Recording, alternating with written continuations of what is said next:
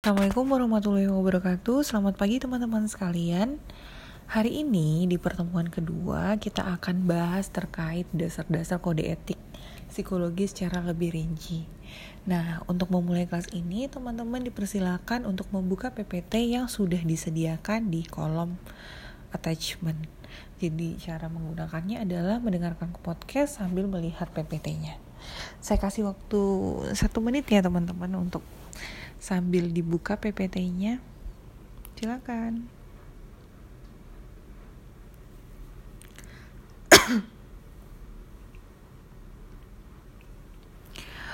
Oke, kayaknya semuanya sudah siap ya. Ya, ini slide pertama ada kode etik psikologi. Jadi kita akan ngebahas kenapa sih psikologi perlu kode etik? Emang ada apa sih dengan psikologi dan sebagainya. Next slide. Pembelajaran psikologi. Psychology is a science of mind and behavior sama human interaction. Jadi di sini menjelaskan bahwa psikologi itu adalah suatu ilmu sebenarnya. Ilmu terkait pikiran dan perilaku yang sangat berkaitan terkait yang sangat berkaitan dengan interaksi manusia. Jadi ketiga hal ini berjalan resiprokal kita meneliti atau melakukan sesuatu pada pikiran dan perilaku manusia. Jadi ada interaksi manusia di sana sehingga kita membutuhkan yang namanya kode etik. Next slide. Nah, ini pertanyaan yang sering sekali muncul. Sebenarnya psikologi itu sains atau art sih seperti itu. Sebenarnya sains itu sendiri itu adalah sesuatu yang punya definisi terminologinya, sesuatu yang memang ilmu, ilmu pasti dan sebagainya. Kemudian sains itu bisa diukur. Sains itu berada pada kondisi eksperimen yang sangat terkontrol. Jadi uh, kondisinya harus bisa terkontrol sehingga bisa terukur dan bernilai seperti itu. Tapi kalau kondisinya tidak bisa terkontrol, itu sains atau art ya seperti itu dapat diproduksi kembali. Jadi, kalau saat ini saya bikin masker wajah dengan adanya sains, saya bisa menggunakan atau membuat masker wajah lagi tiga tahun kemudian seperti itu. Jadi bisa diproduksi lagi. Sama juga ilmu-ilmu yang lain, maksudnya ilmu-ilmu yang terkait eksak dan dapat memprediksi dan dapat diuji. Kalau saya membuat parfum dengan komposisi fragrance yang ini 10%, yang ini 10%, Nah, gitu saya juga bisa membayangkan oh nanti bakal fragransi ini nih yang lebih banyak daripada bau yang ini dan sebagainya. Dan itu bisa diuji. Next slide. Sementara psikologi, psikologi itu sifatnya laten, teman-teman. Nah, psikologi itu bersifat laten atau laten itu bisa dikatakan tersembunyi, terpendam, tidak terlihat secara kasat mata. Sulit untuk bisa diukur dengan angka kadang-kadang yang bisa diukur adalah konstruk-konstruk yang memang sudah jelas. Kalau konstruk tentang rasa cinta rasa benci ya saya juga belum kebayang sih kuesionernya kalau mungkin udah ada atau belum. Kemudian juga sulit untuk dikontrol. Kadang-kadang kita sudah melakukan atau mencoba untuk melakukan kontrol di penelitian kuantitatif ataupun kualitatif. Tapi tetap ada individual differences ada faktor-faktor sosial dan lain sebagainya yang tidak bisa kita kontrol Sulit untuk mendapatkan hasil yang sama persis. Saya meneliti hari ini pada anak dengan IQ resiliensi pada anak dengan IQ 120. Saya meneliti hal yang sama di anak IQ-nya 120 nanti jawabannya bakal bisa jadi beda resiliensinya seperti itu. Jadi susah mendapatkan hasil yang sama persis dan dapat memberikan pemahaman tentang sesuatu. Sehingga next slide psikologi itu sebenarnya bisa disebut sebagai art atau seni dan juga bisa disebut dengan sains atau ilmu. Disebut dengan seni karena manusia dipandang sebagai subjek itu bisa berubah dan berkembang sehingga tidak pasti dan butuh seni untuk menghadapi mereka.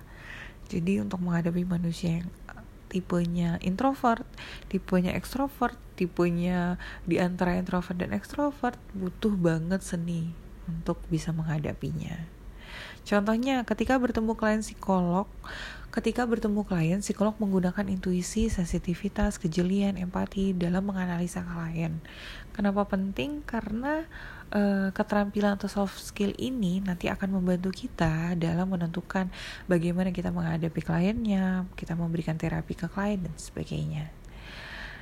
Kemudian psikologi juga bisa disebut dengan ilmu karena sebagai ilmu karena dia bisa didefinisikan. Kalau teman-teman cek ada loh definisi uh, kasih sayang itu apa, definisi resiliensi itu apa. Misalkan resiliensi ada kemampuan seseorang untuk bangkit lagi setelah mengalami keterpurukan dan sebagainya. Itu bisa didefinisikan.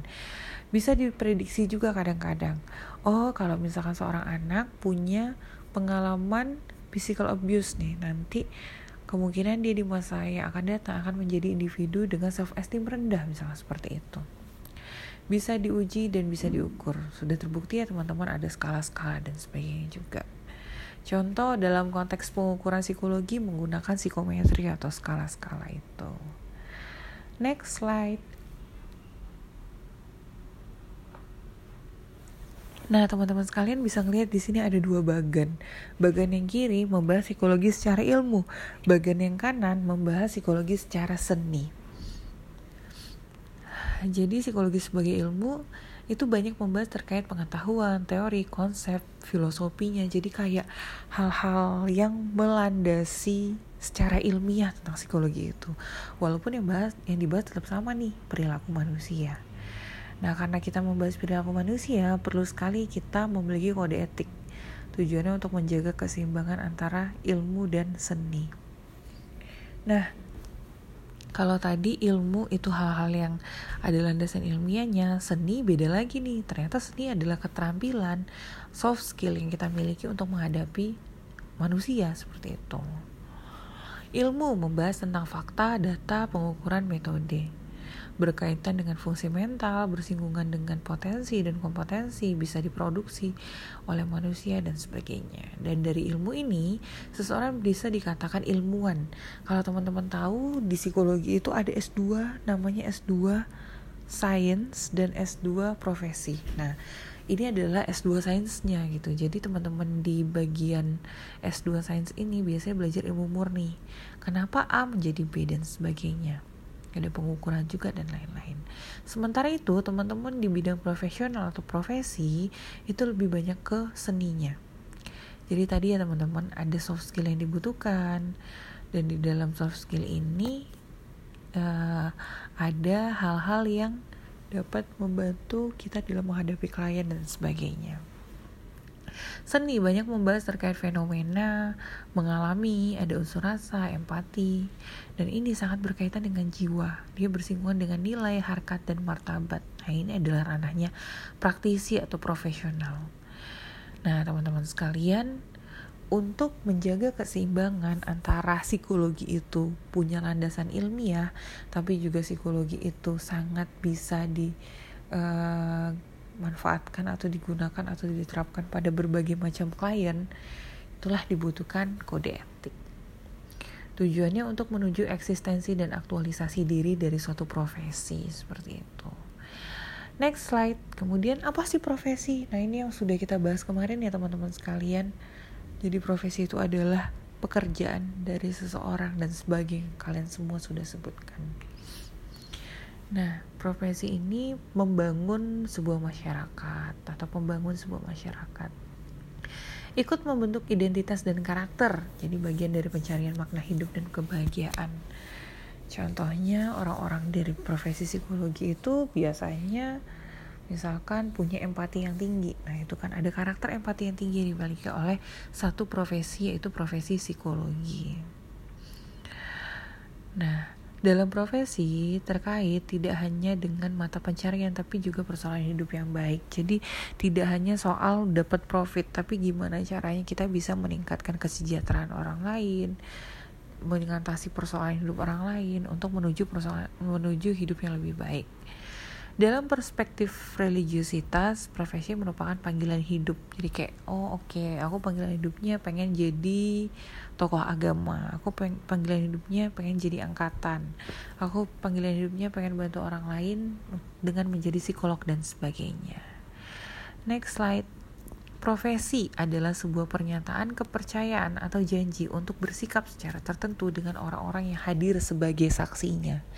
Jadi teman-teman sekalian, kalau kalian nanti suatu hari kepikiran untuk mengambil kuliah profesi, nanti kalian akan disumpah di depan banyak orang seperti itu diambil janji setianya. Jadi ada janji atau komitmen yang hendak ditepati. Kenapa sih harus ditepati? Karena janji ini sudah dinyatakan di depan banyak orang. Jadi kayak ada beban moral sosial. Jadi kayak kalau saya tidak menerapkan ini, orang-orang semua sudah tahu loh bahwa saya uh, sudah berjanji tidak melakukan itu seperti itu.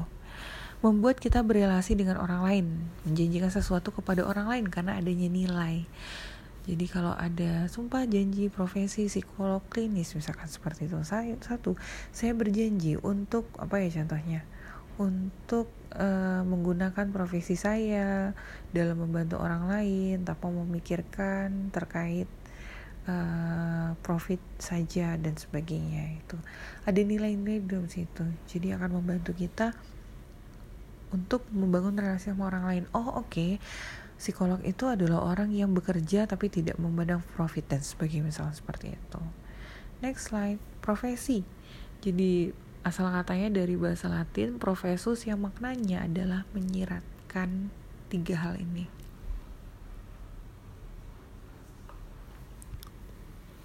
Yang pertama to declare, yang kedua dapat dimintakan pertanggungjawabannya dan kolegialitas.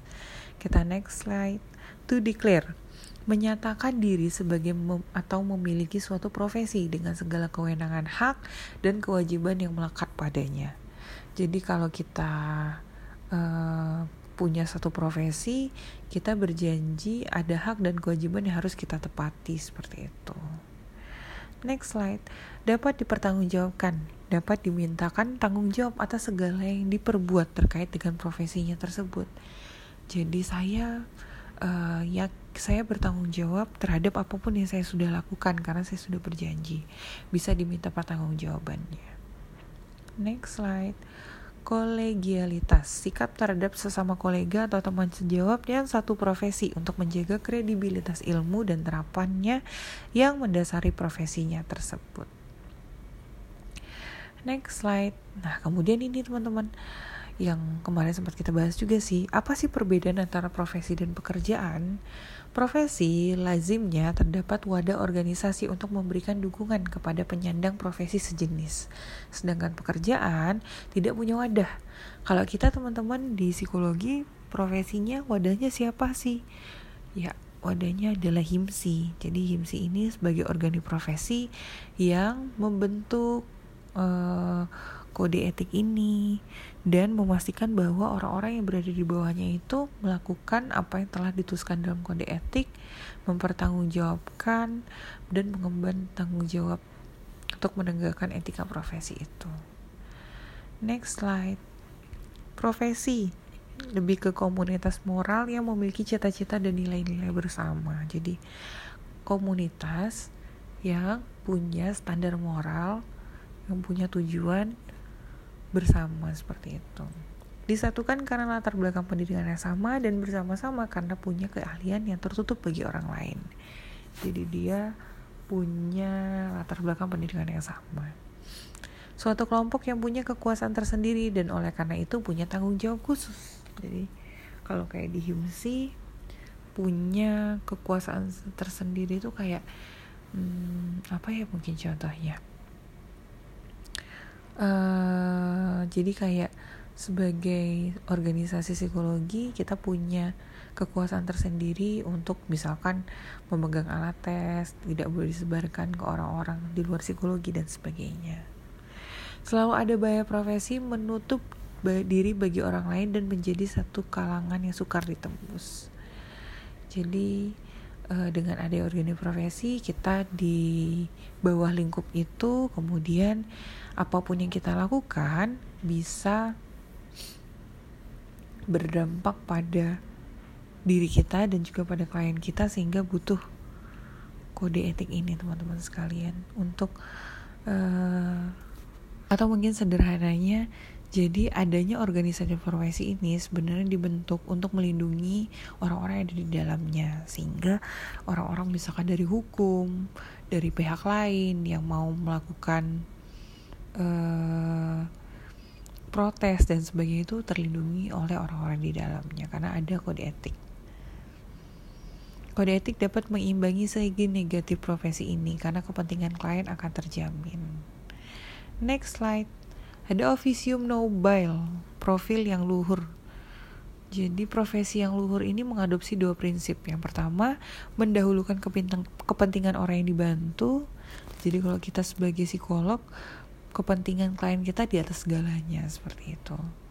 Jadi klienlah yang harus dituruti. Misalkan klien e, berprogres dengan permasalahannya, tapi dia belum berani untuk ketemu sama kita minggu ini. Ya udah kita mementingkan kondisi kesehatannya beliau dulu baru nanti kita ketemu dia misalkan seperti itu. Kemudian mengabdi pada tuntutan luhur profesi. Next slide. Apa sih? Ada dua uh, prinsip umum yang wajib dijalankan oleh suatu profesi yaitu yang pertama prinsip menjalankan profesinya secara bertanggung jawab sebaik mungkin dengan hasil yang berkualitas. Dan yang kedua, prinsip untuk menghormati hak-hak orang lain termasuk dalam menjalankan dan menjaga kelestarian hidup. Jadi yang pertama adalah menjalankan profesi dengan bertanggung jawab dan juga menghormati hak-hak orang lain. Next slide. Nah ini juga kemarin kita sudah membahas lebih lanjut ya teman-teman Etika profesi Kode etik adalah produk etika terapan karena dihasilkan berkat penerapan pemikiran etis atas suatu profesi.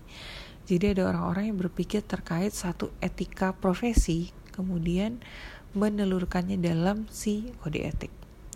Kode etik ibarat kompas yang menunjukkan arah moral bagi satu profesi dan sekaligus menjamin mutu moral profesi di mata masyarakat.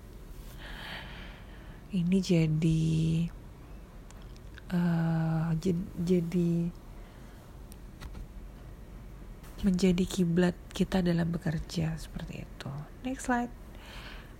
Kode etik tidak menggantikan pemikiran etis, tetapi sebaliknya selalu didampingi refleksi etis karena sewaktu-waktu bisa ditinjau kembali jika perlu direvisi atau disesuaikan.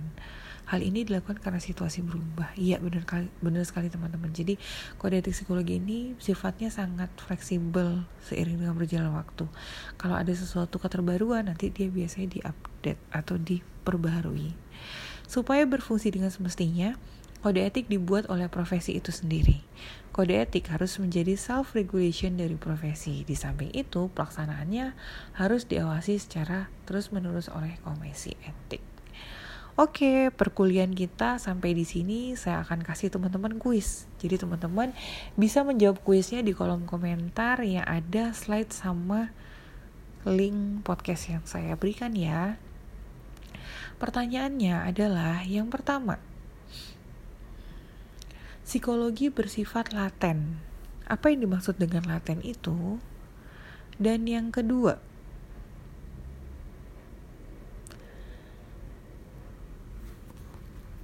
menurut teman-teman sekalian, seberapa sih atau bagaimana sih kode etik ini akan mempengaruhi kalian ketika nanti lulus dari UNY dan menjadi sarjana psikologi yang sudah bekerja? Ada nggak sih dampaknya ke kalian dan bagaimana? Dijawab ya teman-teman, nanti saya akan ngecek siapa yang sudah jawab berarti mendengarkan podcast ini. Terima kasih banyak. Silakan kembali melanjutkan aktivitas. Kita ketemu lagi di minggu depan. Wabillahi taufiq wa hidayah. Wassalamualaikum warahmatullahi wabarakatuh.